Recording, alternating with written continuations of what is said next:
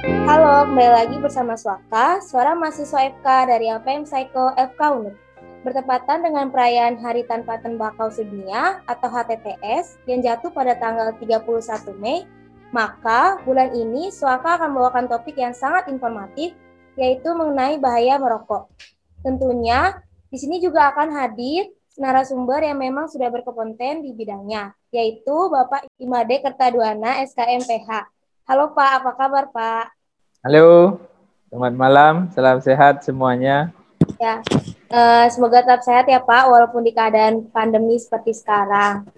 Uh, seperti yang iya, kita iya, ketahui, rokok merupakan bahan aditif yang mengandung kurang lebih 4 ribuan elemen dan 200 di antaranya mengandung kandungan yang berbahaya bagi kesehatan seperti nikotin, tan, karbon monoksida, amoniak, dan lainnya. Banyak perokok yang sebenarnya sudah mengetahui dampak buruk yang ditimbulkan dari mengkonsumsi rokok. Tetapi, kebanyakan dari mereka justru tidak peduli akan bahaya tersebut, sehingga jumlah perokok saat ini terus meningkat dari tahun ke tahun. Tidak lagi hanya sebatas pada kelompok dewasa, kini merokok juga merambah pada kalangan remaja. Merokok merupakan salah satu masalah kesehatan karena tingkat penggunaannya masih tinggi di Indonesia. Mengacu pada data dari Riset Kesehatan Dasar atau Riskesdas, menyatakan bahwa terdapat peningkatan prevalensi merokok penduduk umur 10 tahun dari 28,8 persen pada tahun 2013 menjadi 29,3 persen pada tahun 2018. Pada saat sekarang ini, kebiasaan merokok tidak hanya terjadi pada orang dewasa, namun juga semakin marak pada kalangan anak dan remaja. Hal ini dibuktikan dengan meningkatnya prevalensi merokok pada populasi usia 10 sampai 18 tahun, yakni sebesar 1,9 persen dari tahun 2013 7,2 persen ke tahun 2019 banyak 9,1 persen berdasarkan data Riskesdas tahun 2018. Kita masuk ke sesi pertanyaan ya Pak. Apa sih Pak sebenarnya bahaya bila seseorang itu merokok? Ya, ini sebenarnya sudah kita pahami bersama uh, perilaku merokok adalah salah satu perilaku yang tidak sehat yang berisiko terhadap terjadinya eh, berbagai penyakit dan memperberat pada beberapa kasus penyakit. Yang sebagian besar adalah penyakit tidak menular ya. Seperti penyakit jantung, kanker, stroke itu misalnya. Dan memperparah pada kasus-kasus penyakit lain. Misalnya seorang yang menderita kencing manis ditambah dengan perilaku merokok itu akan menjadi semakin buruk penderita tuberkulosis dengan perilaku merokok itu akan jauh menjadi lebih buruk dan banyak lagi penyakit lainnya. Jadi bukan hanya eh, dari kita orang kesehatan melihat itu sebagai uh, apa rokok mengandung zat yang berbahaya, tetapi dari berbagai kajian dan juga uh, apa uh, bahkan uh, rokok pun industri rokok pun yang memproduksi rokok pun mencantumkan risiko-risiko itu di bungkus rokoknya kan. Dulu dulu seperti itu kan. Merokok dapat menyebabkan kanker gangguan jantung gangguan kehamilan pada janin dan impotensi itu kan. Itu sudah disampaikan juga dari bahkan dari industri pun uh, menempatkan itu walaupun itu memang prasyarat dari uh, apa uh, pengaturan terhadap pengendalian rokok juga. Tetapi prinsipnya memang rokok memang secara akademis secara riset dan secara nyata memang berdampak buruk terhadap kesehatan. Sehingga perlu dikendalikan mulai dari produksinya, distribusinya, bahkan konsumsinya. Nah, itulah yang kita sedang uh, dorong regulasi-regulasi agar pada ketiga tatanan itu dapat dilaksanakan pengendalian yang baik. Hmm. Uh, berarti ya, berarti memang uh, bahaya dari merokok itu baik banget ya Pak. Uh, selain membuat sakit juga memperburuk keadaan ketika sudah sakit jadi semakin diperburuk keadaannya. Iya.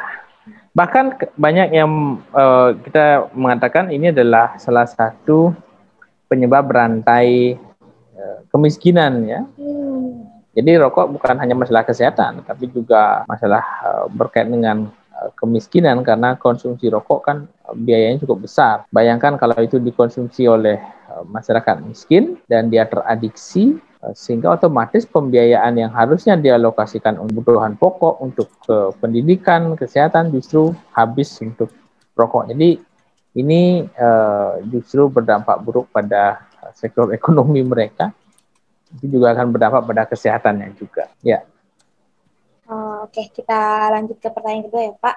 Uh, apakah ada altern apakah alternatif merokok seperti pil nikotin, vape, rokok elektrik dan lain-lain yang yang digadang-gadang itu memiliki klaim lebih aman dibanding rokok yeah, yeah. umumnya itu sebenarnya memang lebih aman, Pak?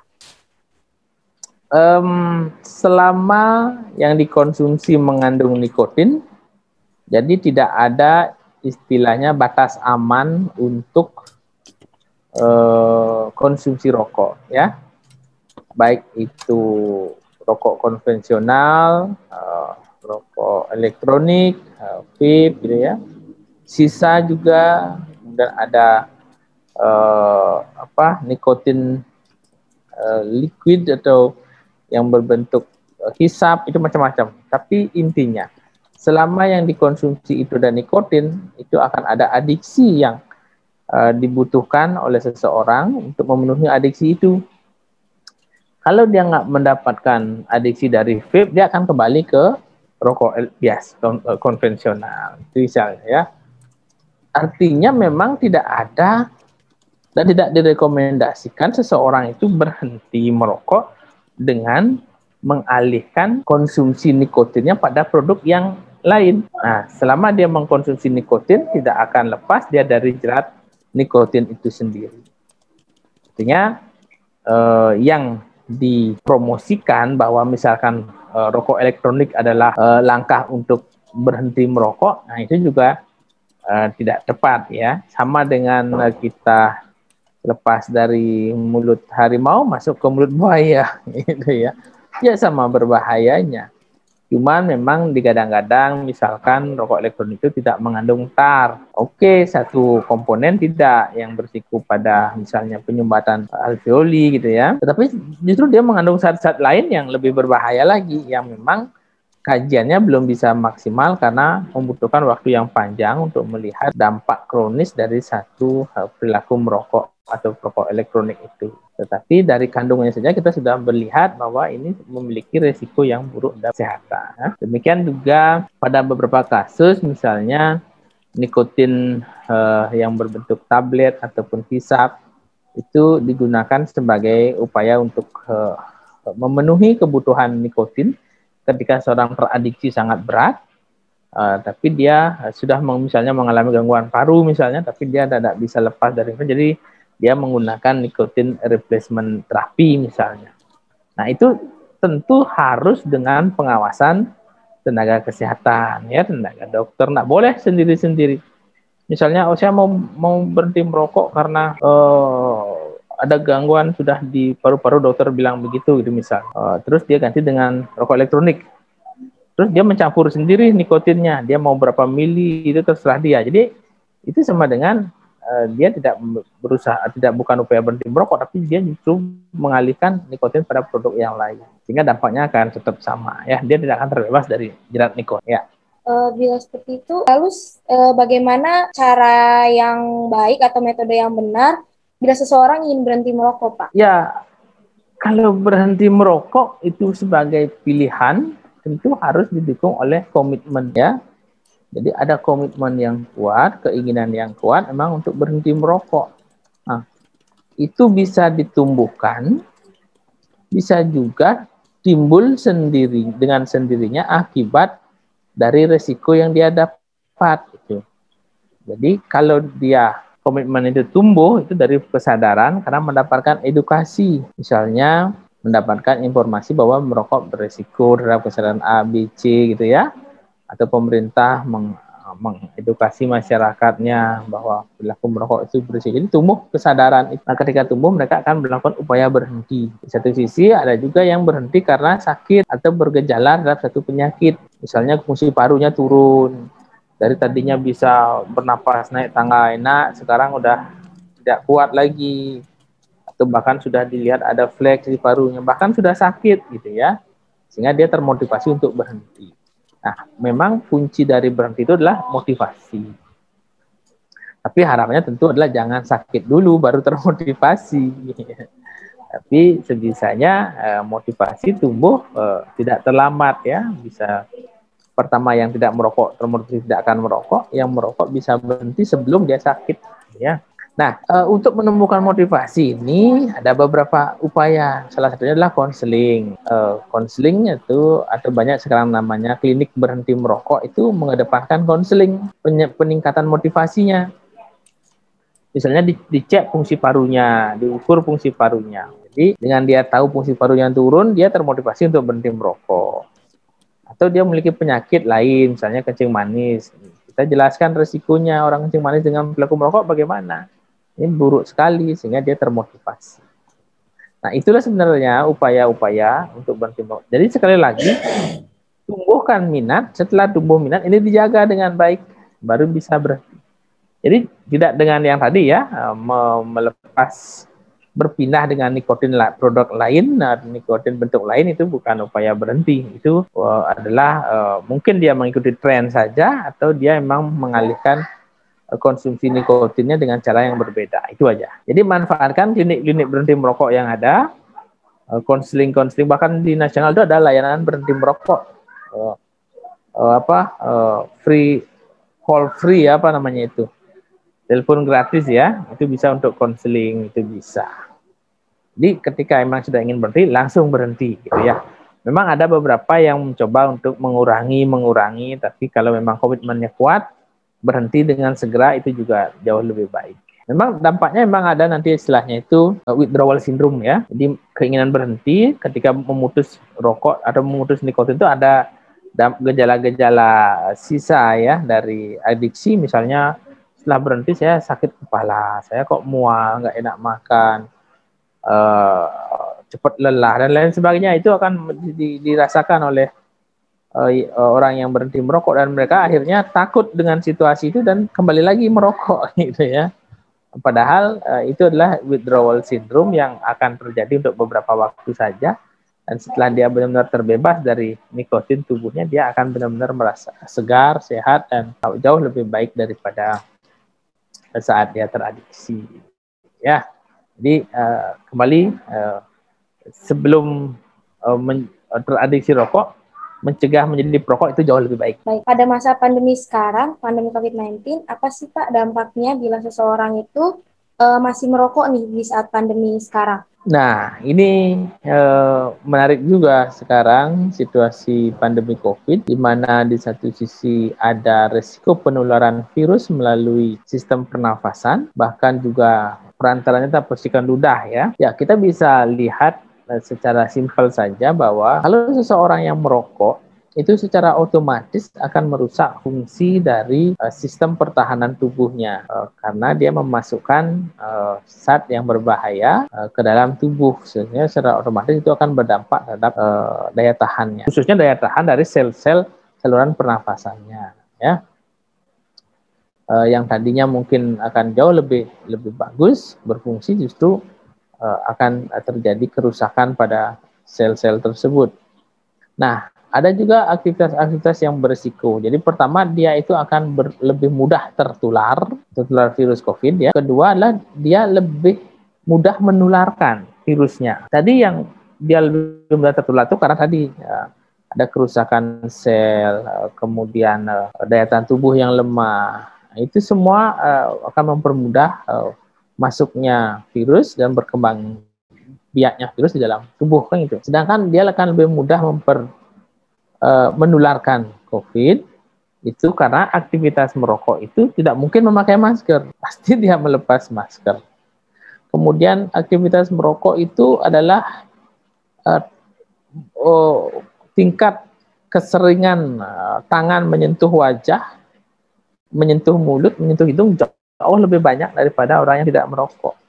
Dan kita tahu sendiri mencuci tangan menjadi salah satu upaya pencegahan COVID. Sedangkan kalau dia merokok, uh, itu tidak akan bisa dilakukan. Dia akan sering menyentuh wajah atau mulutnya karena merokok ya pegang rokok kan nah, naik turun itu tangannya terus nah itu ada resiko di situ selain itu memang ada aktivitas lain misalnya dia akan bersin batuk lebih sering meludah lebih sering dan itu akan menjadi uh, risiko yang besar untuk dia menjadi penular di lingkungannya.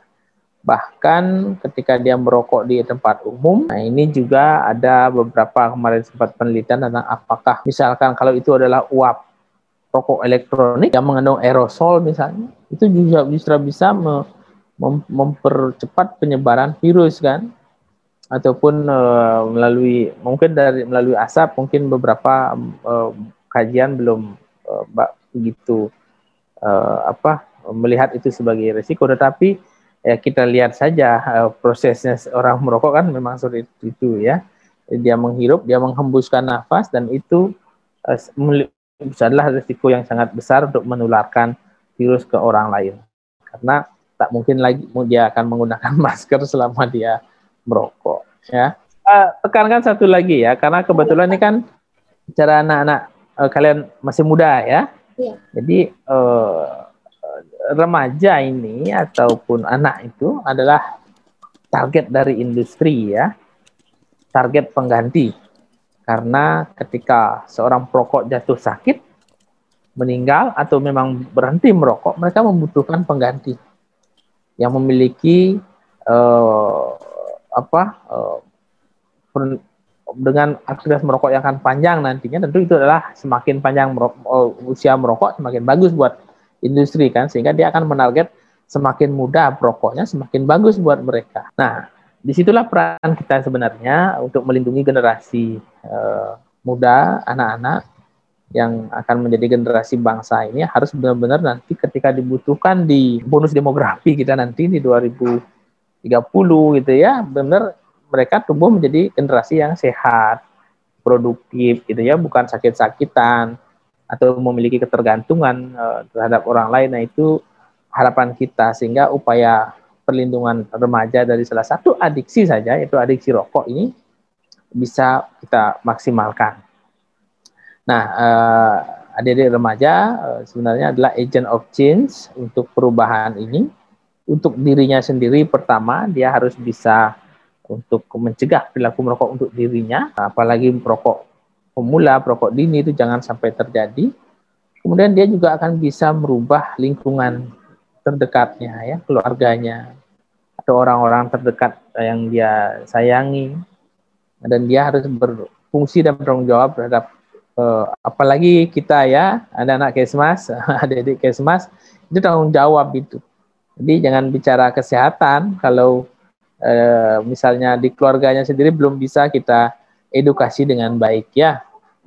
Jadi tanggung jawab kita pertama adalah diri kita, yang kedua adalah keluarga kita, yaitu orang tua kita, kakak kita, adik kita dan yang lainnya. Nah setelah itu baru kita bicara uh, ke masyarakat. Kita bisa mampu menjadi role model untuk masyarakat, bisa menjadi edukator untuk masyarakat. Itu uh, peran kita sebenarnya untuk adik-adik sebagai agent of change dan juga uh, ahli kesmas atau ahli kesehatan uh, di, di masyarakat ya. Oke, selamat uh, Hari Tanpa Tembakau Sedunia. Uh, tetap sehat, uh, sehat tanpa rokok ya. Terima kasih. Saya bacakan kesimpulannya. Uh, rokok memberikan banyak dampak kesehatan, yaitu menimbulkan penyakit dan mempermarah penyakit sebelumnya. Selain itu, rokok juga merupakan akar dari masalah kemiskinan karena untuk konsumsi rokok terdapat biaya yang begitu besar. Alternatif merokok seperti pil nikotin, vape, rokok elektrik, dan lain-lain belum bisa dinilai sebagai alternatif yang lebih aman untuk dikonsumsi, selagi masih mengandung nikotin. Bila seseorang ingin mencoba berhenti merokok, metode atau cara yang terbaik dilakukan harus didukung dengan komitmen yang kuat. Bila berhenti karena sakit, harus diawasi dengan dokter.